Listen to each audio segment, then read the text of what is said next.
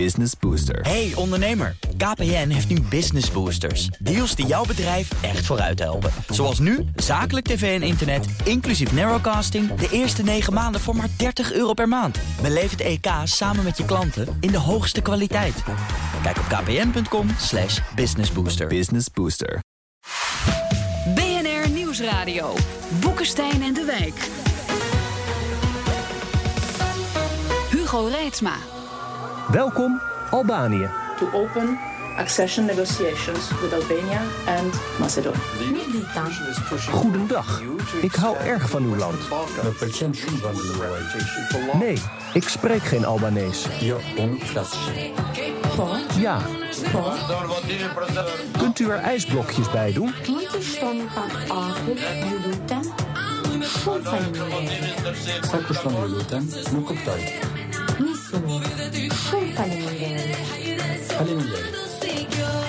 Een korte cursus Albanees voor Europeanen zegt niet dat u nooit wat opsteekt bij Boekenstein en de Wijk op zoek naar de nieuwe wereldorde. Over toetreding van de westelijke Balkan tot de Europese Unie. Met in de studio Arend-Jan Meshvarto Trainoheni per momentin. Boekenstein. Dat klopt. En Rob Nolpachen Vadiwai de Wijk. En wat betekent dat? Daar kan ik mij verder niet over uitlaten. Onze gast, eh, ik, ik zeg maar gewoon netjes Meritita. De sponsoren van het programma. Paul Tang van de PvdA. Jij doet dingen met de Balkan in, eh, in het Europees parlement. Ik kon in het voorgaande in elk geval verstaan... dat de Albanese wanna boom boom like J-Lo... kan het Europees parlement daarin meegaan? Eh, nou, nee, eh, het Europees Parlement eh, vindt de, toetreding van het Westen, Westen-Balkanlanden in het algemeen positief. Met alle bedenkingen die je ook weer daarbij kan hebben. Want iedereen weet. Eh, ja, zeggen wordt er dan gezegd, er moet huiswerk worden gedaan. Nou, dat huiswerk is voorlopig nog niet af. eh. Nee, nee, en dat is iets meer dan, eh, dan boom boom wat, wat daarvoor moet gebeuren. Want we hebben het over de, het EU-lidmaatschap van zes landen in een ingewikkeld gebied. Met Albanië en Macedonië zouden gesprekken moeten beginnen, zei de Europese Commissie deze week. Servië en Montenegro die zijn al verder en zouden in 2025 misschien al kunnen toetreden. Misschien even een, een, simpel rondje. Zeggen wij hier aan tafel A, welkom, gezellig. Of B, nou, ho ho. Ik zeg, Hm? Arjan, jij wil beginnen. ik zeg ho ho. Uh, Arjan zegt B. Ik ben toch wat positiever daarover. Rob zegt A. Paul. Ah, ik zeg welkom als ik moet kiezen tussen een van de twee. Oh, kijk. Ja. Nou, dat is een mooie, Nou, mooie gaan wij verdeling. samen verder. En dan laten we gewoon, eh, voor wat het is. Aan tafel. Er was een vrij stellig argument eh, van de commissievoorzitter Juncker voor eh, toetreding van die Balkanlanden. Want, zei hij, eh, ik wil niet daar de oorlog zien terugkeren. Sterk argument? Het is typisch Jonker. Er zit wel een kern van waarheid in, maar het is dermate overdreven dat het toch weer, eh, eh, dat het toch weer niet klopt. Nee, natuurlijk. De Balkan is een, is een heel. Is een, la- een lastig gebied, zacht gezegd. Dat is altijd dat is een kruid, eh, kruidvat waar het lont per ongeluk eh, kan, eh, in, de boel kan laten ontploffen. Eh, dat, dat is misschien een reden om de Balkan erbij te halen, maar het is zeker niet, zeker niet voldoende reden. En dit- bijvoorbeeld Bosnië-Herzegovina is nu niet een kandidaat. Eigenlijk omdat het gewoon een onoplosbare. Die en Kosovo, geloof ik, hè? Die Ja, zitten er nog Kosovo- buiten. Ja, en dat- omdat het een onoplosbare eh, situatie is. Bosnië-Herzegovina is op dit moment onbestuurbaar, niet, eh, niet te regeren, is ook niet toe te treden. Hetzelfde geldt ook voor Kosovo, de manier ook waarop het gaat. Laatst was er een stemming eh, in het eh, parlement van Kosovo. Daar was de oppositie het met een maatregel niet eens. Toen hebben ze een traangasgranaat in het parlement gegooid.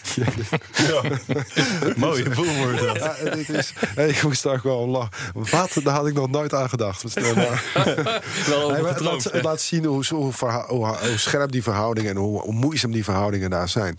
Ehm, dat ga je, dat, je kan die landen voor een deel daarbij helpen en voor een deel dus ook niet. Want die tegenstellingen blijven, eh, blijven ook zo. Hè. Macedonië is natuurlijk een belangrijke Albanese Turkse minderheid. Ja, weet je, die verhoudingen met, eh, met, met de rest van de volking blijft daar. Ja, dat is waar, hè? maar het, het is ook mogelijk om door het perspectief van lidmaatschap juist dat soort problemen op eh, Ja. te heffen. Kijk, realiseer je hoe de discussies verlopen in de jaren negentig, lang geleden, vorige eeuw, toen we het hadden over de toetreding van landen als Polen en zo tot de Europese Unie. Nou, wat daar is gebeurd, is een aantal landen had gewoon problemen met de buren. Eh, er was een eh, Russische minderheid in de Baltische Staten. Daar heeft Van der Broek een belangrijke rol in gespeeld. Als eh, hoge commissaris voor de minderheden toen, van toen nog de OVSE. Heeft dat probleem opgelost en heeft daarmee de rust gecreëerd... waardoor die landen konden toetreden. Datzelfde is gebeurd met de Hongaarse minderheid in Transylvanië. Sylvanië in Roemenië. Beide landen die, die zouden in wezen op voet van oorlog kunnen, met elkaar kunnen verkleren. Maar door het perspectief van het lidmaatschap is, hebben zij ze ertoe gedwongen om dit op te lossen. Nou, eh, dat is bijna altijd zo geweest in de geschiedenis. Ik ben ervan overtuigd dat als je een perspectief op lidmaatschap eh, geeft en een harde voorwaarde is dat ze onderling hun problemen hebben opgelost. Nou, dat die kans vrij groot is dat ze dit gaan doen. Want je moet gewoon perspectief eh, hebben op iets. En anders blijf je gewoon door blijven eh, Ja, maar- ouwe horen. Arjan, keuze B. Deze zuurpruim heeft toch tegenargument. Kijk nou naar Roemenië en Bulgarije. Weet je nog, in 2007 zijn ze lid geworden. Iedereen wist dat ze niet aan de voorwaarden voldeden. Er gebeurde in die landen alles wat God verboden heeft, gebeurt daar. De nu ze lid zijn geworden, is ook de druk weggevallen om het echt aan te pakken. Dus met andere woorden, ik zou zeggen, ik heb vier argumenten waarom ik zeg van nog eventjes niet met Albanië en Macedonië praten. Waarbij ik overigens bij Macedonië zijn de recente ontwikkelingen heel goed. Hè. De, de corrupte regering is weg. Er is een nieuwe regering, dus daar kunnen we over praten. Maar Albanië zeker niet. Oh, Eerste, oh, oh. Ja? Daar zit een zeer, zeer pro-westerse regering... die redelijk stabiel is, hoor. Maar, ook, ook heel stabiel. ook, hè? Maar ook, heel, sta- maar ook heel stabiel in de corruptie. En ook heel stabiel in de vervlechting van de maffia en de staat. Hè? Valt, Dus- valt meer mee dan je denkt. Krijg verdien je daar geld? Ik ben, sorry. Ik niet. Nee, nee bedoel- je kijkt gewoon naar de statistiek. Ja. Ik bedoel, er is natuurlijk een enorme opkoker geweest, ook hier in de media, onder andere in de Telegraaf. Van oh, oh, oh dit is verschrikkelijk. Dan heb ik vervolgens eh, Blok eh, gehoord, die toen nog eh interim-minister was van Veiligheid en Justitie. En die zei, nou ja, weet je, het is in absolute aantallen, is het gewoon heel laag ook wat er geïmporteerd wordt vanuit Albanië Nederland in aan criminaliteit. Dat het er is, is een ding dat zeker is. Je hoort dat de corruptie van die- is, is die een ding dat zeker en is. zo. Maar moet het wel binnen proportie blijven, eh, blijven zien. Maar goed, maar als je dus nu ze weer door de hoepel laat springen... dan verminder je eigenlijk de druk om die dingen nog aan te pakken. Nee, maar je- voor mij zeg je het ook goed. hè. Het, is een welkom, maar wel onder voorwaarden. Ja. En, eh, en, en Rob zegt al terecht, er moeten voorwaarden zijn dat men geen grensconflicten of andere conflicten meebrengt. Oh. Dat is wel Eh, heel en, wat, en- hoor. En, en de les van Roemenië, dat is wel heel wat. En de les van Roemenië en Bulgarije is juist dat die voorwaarden die er zijn, hè, de, de wettelijke hervormingen die moeten worden doorgevoerd, moeten heel hard zijn. En dus ik ben daar, daarom kan ik ook zeggen welkom. Want ja, ik weet dat de voorwaarden die zullen dit keer harder dan ooit zijn. Ja. En vragen dus heel veel van dat huiswerk. Maar nou even omgedraaid, hè? ook eh, naar, eh, naar Arend Jan. Stel je voor dat wij niet hadden toegestaan dat landen als Roemenië, Polen, Hongarije hadden toegetreden. Hoe had Oost-Europa er dan nu uitgezien? Nou, dat is een ongelukkig voorbeeld. Want Nee, dat is Oost-Europa helemaal geen is- ongelukkig voorbeeld. Precies, dat precies het, eh, de discussie die we nu hebben over de toetreding van Balkanlanden. Exact hetzelfde Ja, maar, punt. maar, nee, maar wacht even. Oost-Europa is nu de rechtsstaat aan het afschaffen. Ja, maar Ja, ze hadden nee. geen rechtsstaat en democratie gehad als we dat niet hadden geprobeerd. Ik ben Nou. het met je eens. Dus, dus, Dat is ook niet leuk. Ik, ik, maar even de reden waarom ik ten principale voor ben. Het, het, is, het is voor een deel in ons eigen belang hè, om in onze achtertuin eh, democratie en rechtsstaat hebben. Want democratie voert geen oorlog. Maar ik ben ook heel trots erop dat we dat kunnen brengen. Ik begrijp niet waarom wij in Europa niet trotser zijn op, op, onze, op, onze levenswijze. Dit Hm. is een van de grote goeden die wij hebben. Die, waar we trots op mogen zijn. Dat mogen we toch ook uitdragen. En als mogen we andere landen toch in meenemen. als we Kom op het nou, niet Arend niet zo we- beschemten. Ja, Kom op nou. Man. En als we het, en jongens, en als we het niet hadden gedaan. Kijk nou eens naar Oekraïne. Dat wordt dus vermalen tussen Oost en West. Dan had je vijf, zes, zeven Oekraïners gehad in, eh, in Oost-Europa. Hadden we hier nu gestaan, als we hier al hadden gestaan. Hadden we de enorme verwijten aan de kortzichtigheid van de politici in de jaren negentig. Hoe was het toch mogelijk dat ze niet de eh, EU en de NAVO hadden uitgebreid? Want moet je zien wat voor klerenbende het nu is. En Arend Jan zit, ja, die zit nu van ja, maar het is niet zo democratisch meer. Daar heeft hij helemaal gelijk in. Maar het is er wel rustig. en het vormt geen bedreiging en er is geen machtsstrijd met Rusland in die landen. Maar de kernvraag is eigenlijk hoe disciplineer die landen het meest effectief? Ik wil precies hetzelfde als jullie. Wij willen ongelooflijk graag dat er rechtsstatelijkheid komt, democratie, verkiezingen. En ga zo maar door. Verkiezingen zijn er overigens al. Hè? Nou, ik denk dat je moet je niet te snel eh, mensen eh, de volgende roepel. Je moet dus de druk maximaal houden. Nou, luister eens. Wat, als je Albanië, Al- Albanië en Macedonië dus geen kandidaatlidstaat maakt, maar nog het voorportaal, dan verhoog je dus de druk, want ze willen graag. Hè?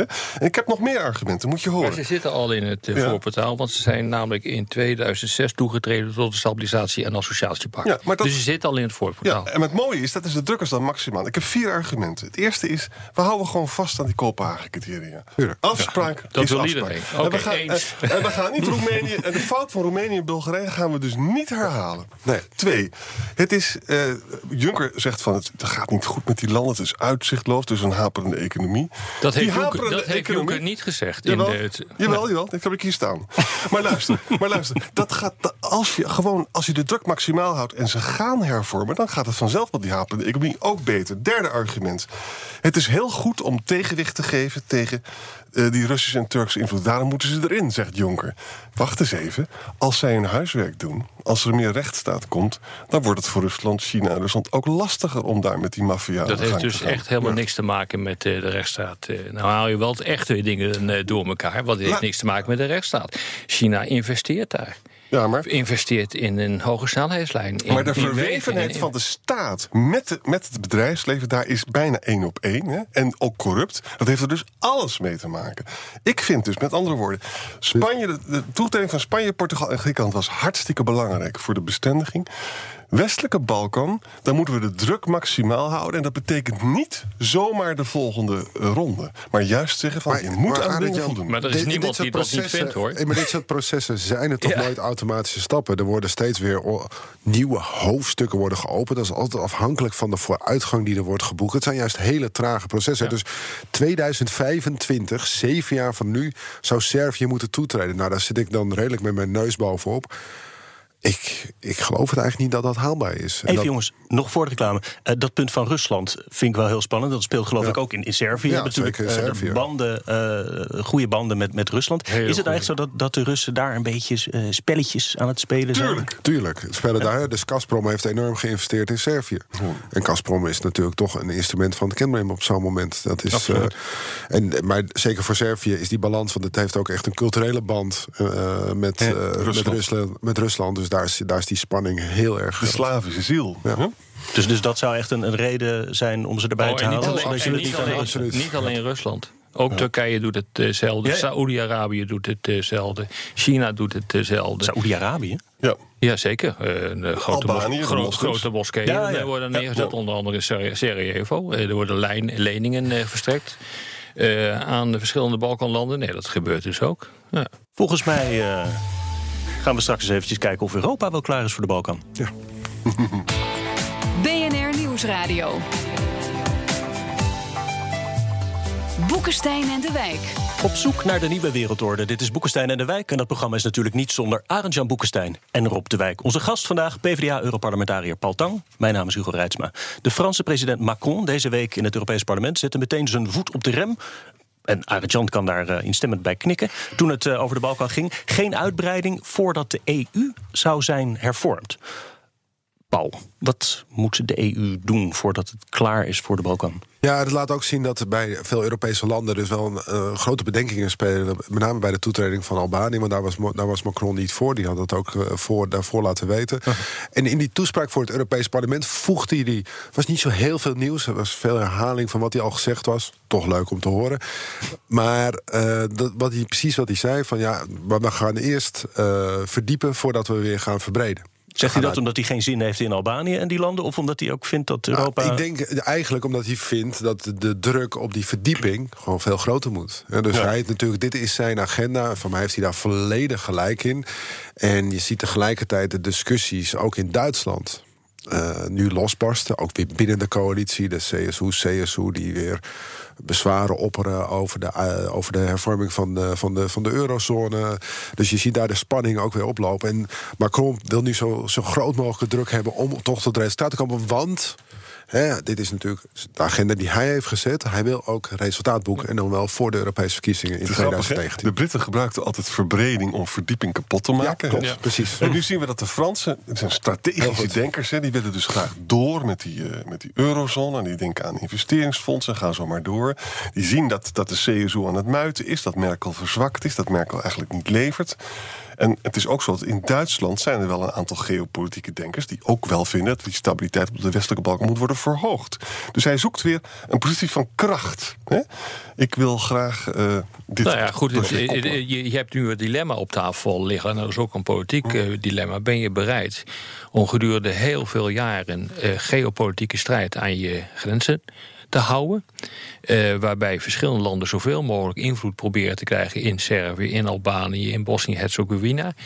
En, ben je, en als je dat niet wil, ben je dan bereid om daar een prijs voor te betalen door bijvoorbeeld die toetredingsonderhandelingen iets te versnellen en die landen iets meer nog te helpen om de zaak op orde te krijgen. Want als ik eh, ook kijk naar wat de commissie zegt, wat er in die landen moet gebeuren, nou dat is nogal wat. En de- daar ben ik het inderdaad met Arend Jan maar je vindt het Russische risico van je groter. Maar eh, nou ja, ik wil liever niet eh, nog meer Oekraïners langs eh, de grens van, eh, eh, van Europa hebben. dat is wel dramatisch? Eh, Nee, dat is jij bent het eigenlijk eens met Juncker als die zegt... eh, Ja, om ik vind dat te voorkomen? Nou, oorlog, maar dat geopolitieke argument is wel heel erg eh, belangrijk hoor. En we, het, het is echt gewoon, eh, de wereld is aan het veranderen. Dat willen we maar niet geloven hier in Nederland, zeker nu de zon schijnt. Maar de. Maar de wereld is echt aan het veranderen. Er is sprake van een enorme eh, strijd in dat gebied om, om de invloed. Ja, nou, de vramaar is: wil je dat of wil je dat niet? En- trouwens, Ik vind, het, ik Ja. vind het wel een heel realistisch argument. Mag het af en toe ook ietsje een tikje idealistisch? Ja. Wat ik nou zo mooi vind. Nee, maar ze- ik, ben, ik, ga, ik ben nu twee keer bij de Cape Pride in eh, Belgrado geweest. Dat was een paar jaar geleden. Maar daar de, barsten daar de rellen los. En eh, werd, eh, werd de tocht uiteengeslagen. Nu wordt hij gehouden onder grote politiebescherming. En hij wordt, elk jaar wordt hij weer groter. Elk jaar zijn, eh, is zijn, eh, de, de homo's en lesbiennes kunnen zich vrijer waan in Servië. Dat is de invloed van Europa op dat land. Ja. En dus daar mogen we het ook voor doen. En nogmaals, dat vind ik dat we daar trots op mogen. Maar ik ben het volledig eens met je realistische, realistische argumenten. Voor mij, die onderschrijf ik. Maar er zit ook iets van idealisme in. Ons Ja. Europa, wat wij het Nou uitdragen. ja, ik, ik redeneer gek genoeg. Hè. Veel meer vanuit het eigen belang. Ja. Ons eigen belang om dat niet te willen. Het interessante is dat veel mensen in Nederland, ook in het parlement, vanuit eigen belang zeggen: willen ze er niet bij hebben. nee, ja. Maar dan mis je echt volgens mij het bredere plaatje. Maar weet je, we zijn het er gewoon over eens. Hè? Zowel om geopolitieke redenen als eh, om eh, idealistische redenen... wil je de druk zo maximaal Ja. mogelijk hebben, toch? Ja. Nou, dat kan volgens mij ook in dat voorportaal. Je houdt gewoon vast aan die mantra, daar zijn we het allemaal over eens. Dat zegt Juncker ook, want die Kopenhagen-criteria zijn heilig. En dat heeft u nog niet goed gedaan, daar moet u aan werken. En pas als u dat echt heeft gedaan, dan wordt u ook serieus. Gaan we onderhandelingen beginnen? Kan toch? Nee, want kijk nou eens naar Turkije. Eh, daar hebben we dat ook gedaan, volgens mij vanaf 1964. Wie helpt me even? Op een gegeven moment zeg je natuurlijk als land, als leider van... jongens, bekijk het maar. Eh, we geloven hier niet meer in. Eh, wij gaan gewoon eh, onze eigen gang. Met de Europese Unie hoeven we het niet van te hebben. We richten ons wel op China en Rusland. Ja, nou, nou de vraag is of je dat wil. andere Misschien woorden- zeg jij, ja, het maakt me niet Ja, uit. je Nou ja, moet dat, is, dat is Turkse- ook een antwoord. Je moet het Turkse dilemma moet je zien te vermijden, maar je moet ook het Roemeense dilemma. Dus niet te vroeg en ook niet te lang. Ja. Dat is het verhaal eigenlijk. Ja, Ja, maar nee, de- zal altijd met het probleem eh, blijven zitten dat landen op een gegeven ogenblik, ook dat is democratie, jongens. Eh, dat landen zeggen van ja, maar we gaan het nu toch even anders doen. We richten onze rechtsstaat anders in. Ook dat is democratie. Ja, maar dat, maar dat is natuurlijk de les die we geleerd hebben. Dat we natuurlijk onze in, en dus die externe druk hebben we nu nodig. Daar hecht je terecht aan, Arend Jan. Maar tegelijkertijd heb je ook die interne druk nodig. Ja. Op het moment dat het niet. Dus een van de hervormingen die in de Europese begroting doorgevoerd zou moeten worden. Dus op het moment dat een land niet vol- volgens de spelregels speelt. Ja, dat dan ook de bijdrage vanuit de Europese begroting minder zou worden. Dus dat we ook veel meer. Ja, het is, een, het is een kwestie van oversteken, de wederkerigheid. Dit hoort, je bent lid van de club, dan moet je aan de, dan moet je aan de regels blijven doen. En dan, heb je ook, dan moet je de interne druk ook hebben. Want dat is eigenlijk natuurlijk wat er bij Roemenië en Bulgarije mis is gegaan. Wat zou er dan Nou, moeten veranderen binnen de Europese Unie om dat voor elkaar te krijgen? Want we weten inderdaad, Nou, en daar is- heeft eigenlijk Jan natuurlijk absoluut een punt. Polen, Hongarije, dat zijn grote zorgen. Het, het is lastig om tot druk te komen dat het met unanim- unanimiteit eh, moet. Dus die landen kunnen het zelf blokkeren. Maar hoe zou je dat dan moeten oplossen? Nou ja, op dit moment gaan er, ehm, gaan er cohesiegelden. Solidariteitsinvesteringen gaan er richting Hongarije en, eh, en Polen. Ja, die kan je afhankelijk maken, bijvoorbeeld van wederkerige eh, inspanning van die landen, opvang van vluchtelingen, zorgen dat de rechtsstaat niet ondermijnd wordt. Dat kan je doen en voor mij is daar relatief eh, brede steun voor. En dat zal echt een van de onderhandelingen Is, worden. is dat kan wat ook. Macron bedoelt als hij het heeft over de eerste verdieping? Nou, ik denk dat Macron nog wel een stapje ver, maar dit, is- dit is wel een deel dat ik denk dat Frankrijk ook zal steunen. In ieder geval in Duitsland en, en ook Nederland is daar, is, daar, is daar veel steun voor. Maar dan zou je daaraan moeten gaan werken, dat dat Ja. kan. Ja, zeker. En moet je ook niet dan de besluitvorming iets anders gaan doen als je zoveel meer eh, staten erbij krijgt? Ja, daar ben ik me zeer mee eens. Hè. Dus als we. al- al- al- kijk, Europa is het. Het is toch het Europa van landen wat we op dit moment kennen. Ik ben natuurlijk lid van het. Ik vertegenwoordig het Europa van burgers. Maar laten we wel zijn. Het Europa van landen is natuurlijk wel de knellende factor. Die bepaalt op dit moment het tempo. Als je echt wil dat dat niet, eh, niet verzandt, maar dat had eigenlijk al veel eerder gemoeten. Dat is inderdaad waar Aart Jan terecht op gezegd, ook door het Verenigd Koninkrijk tegengehouden. Die wilde graag verbreden, zodat Europa zich niet zou verdiepen, dat het alleen maar een markt zou blijven. Maar als je echt wil dat we een, dat we een gemeenschap zijn, dan moet je ook af en toe durven met meerderheid van stemmen eh, besluiten te nemen. Anders gaat eh, Europa niet Wat, werken. wat anders dan? Dan hebben de, de Russen straks via Servië een, een stem aan tafel, of niet? Ja, of via Hongarije of wat dan ook. Nou ja, dus wat- dan wordt, dan wordt het blok alleen maar, Wat, alleen maar je van. Oostenrijk? Ja. Als er, als er een land eh, echt pro-Russisch is, dan is het Oostenrijk wel. En Hongarije ook. En dat worden er wel erg veel. En trouwens eh, Slowakije ook een beetje. Ja. En dus met andere woorden, Europa is zelf dus ook aan het veranderen. Er zijn dus ook mensen die zeggen van... ja, jongens, eerst dat probleem met Oost-Europa... met maximale druk oplossen... en dan pas gaan we verder bouwen. Dat is, dat is ook een denkschool, hè? Want nu, dat- we zitten nog met een enorm parcours met Oost-Europa. Ik vind het goed dat, eh, dat de druk wordt verhoogd. Er moet echt wat gebeuren. Maar er zijn ook allemaal weer andere, andere argumenten... om heel voorzichtig te zijn, want we willen ze ook niet kwijt, hè? We hebben nogal wat op ons bordje, zou ik willen zeggen. Zeker. Hoe gaat het nu verder? De volgende maand is er een grote top in Sofia met al die landen. Ja. Wordt er dan een besluit genomen? Of? Eh, nou ja, het wordt nu wel eh, toegewerkt naar een besluit door de Raad. Wat gaat, wat gaat er gebeuren met, eh, met, het, eh, met, met de toetreding van bijvoorbeeld van Macedonië en Al- Albanië? Dat is wel De, wat de op- lidstaten die kunnen daar dan wat over, op, Ja. over dat voorstel van de Europese Commissie wat zeggen. Ja. En daar is unanimiteit, hè? Uitbreiding. Dus dat betekent dat Macron kan het zo vetoen als hij dat wil. En Ja. Nederland ook. Maar, Nederland je, maar, je, maar het liefst wil je niet als land eh, veto. Hè. Nederland heeft wel eens in de positie eh, gezeten. Voor mij was het bij de toetreding van Servië nog als, eh, als kandidaat, als ik me goed herinner. Je wil nooit eigenlijk als land alleen staan. Dus je wil eigenlijk wel op zoek naar die coalitie van landen om, om, om zeker te zijn. Dus, dus hier zouden, het gebeurt wel vaker dat Frankrijk en Nederland samen, samen optrekken. Dus die stoere taal van minister Blok, uiteindelijk eh, gaat hij gewoon akkoord met Nou het ja, compromis. Ik denk dat Macron heeft ook zo zijn bedenkingen. Dus eh, die wil, eh, dat was dus niet alleen om de, de druk op die Europese hervorming te krijgen. Maar ik denk dat hij ook oprecht wel wat bedenkingen zijn over met name de toetreding van Albanië. Als Nederland alleen staat, dan hebben Nee. ze geen podium op te staan. En als Macron meegaat, dan hebben ze een punt. Ja. En Merkel is muisstil. Ja. Zoals altijd. Ja, ja, dat is Des Merkels. Ja. Ja, Maar goed, dus ik, ik hoor nog wel dat we het, het risico hebben... dat we, we kunnen de Balkan natuurlijk helpen als Europese Unie... maar dat we kunnen ook hun al, problemen importeren. Ja. Ja, Eh, en de Russische invloed importeren. Dus wat dat betreft eh, heb je ook juist een extra risico. Ja, maar eh, kijk, je kunt ze er beter bij halen. Want dan heb je er meer controle erover dan wanneer ze eruit zijn. Want dan, dan zeg je op een gegeven moment, jongens, eh, ik wil niks meer met die EU te schaften hebben. Dat is een discussie die natuurlijk gelopen heeft in Turkije. die daar echt een, een zigzagkoers aan het bewandelen is ten opzichte van de Europese Unie. Eh, ja, mijn idee is, eh, ja, je kunt, als je grip op die landen wil hebben en op de geopolitieke situatie, dan moet je toch proberen ze zo dicht mogelijk tegen de Europe- Europese Unie aan eh, te trekken, of je het leuk vindt of niet. En ik begrijp al die bedenkingen en ik ben het ook eens hoor met een aantal van die dingen die ook Arend Jan eh, noemt. Maar ja, op een gegeven moment moet je ook geopolitiek denken. Ja. Nou, optie A gaat het hier toch aan het langste eind trekken, Arend Jan. Welkom.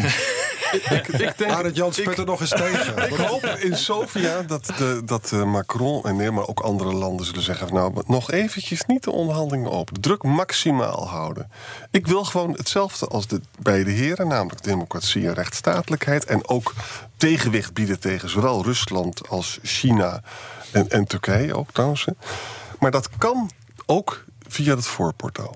Het wordt nog gezellig met de Balkan erbij. De nieuwe wereldorde. Dit was weer Boekenstein en de Wijk. Namens Arend-Jan Boekenstein en Rob de Wijk zeg ik dank voor het luisteren. Speciale dank aan Paul Tang. Boekenstein en de Wijk is elke zaterdag om 11 uur op de radio. Maar wanneer u maar wil online. Abonneert u zich op de podcast en laat in iTunes weten eh, wat u ervan vindt. En dat horen we nog wel eens van mensen terug. Toch Rob? Nogal, hier weer wat fanmail. Vijf sterren van Dr. Just Myself. Die heeft een vraag over het uploaden van de podcast. Dat duurt nogal eens een keer eh, eh, enige tijd. Ja, inderdaad, gaan, we aan het, gaan we uitzoeken. Maar hij vindt het wel een formidabele podcast. En hij eh, zou hem iedereen aanraden. En chapeau. Goed, en dan ook nog een keer vijf sterren van meneer of mevrouw Jansen met twee S'en. Een wekelijkse update die niet te lang duurt. Op een relevant onderwerp met heldere analyses van de heren Boekenstein en de Wijk. Fijn in controle houden. Dan komt hij door de presentator. Dat is waarschijnlijk wel nodig. Met luchtige grappen waardoor het makkelijk te beluisteren is. Nou, dan, deze is helemaal geweldig. Vijf sterren van onbekend iemand. Nou, maar die verdient wel een standbeeld. Die heeft het woord genieten uitgespeld. En even uitgelegd wat genieten betekent. Geweldig, energiek, nieuws, informeel, educatief, tijdvermaak, enthousiast en nummer één. Nou, dankjewel. Wat heerlijk, jongens. Nou, prachtig gedaan. Ik vond het ook weer gezellig. Wij zeggen tot ziens.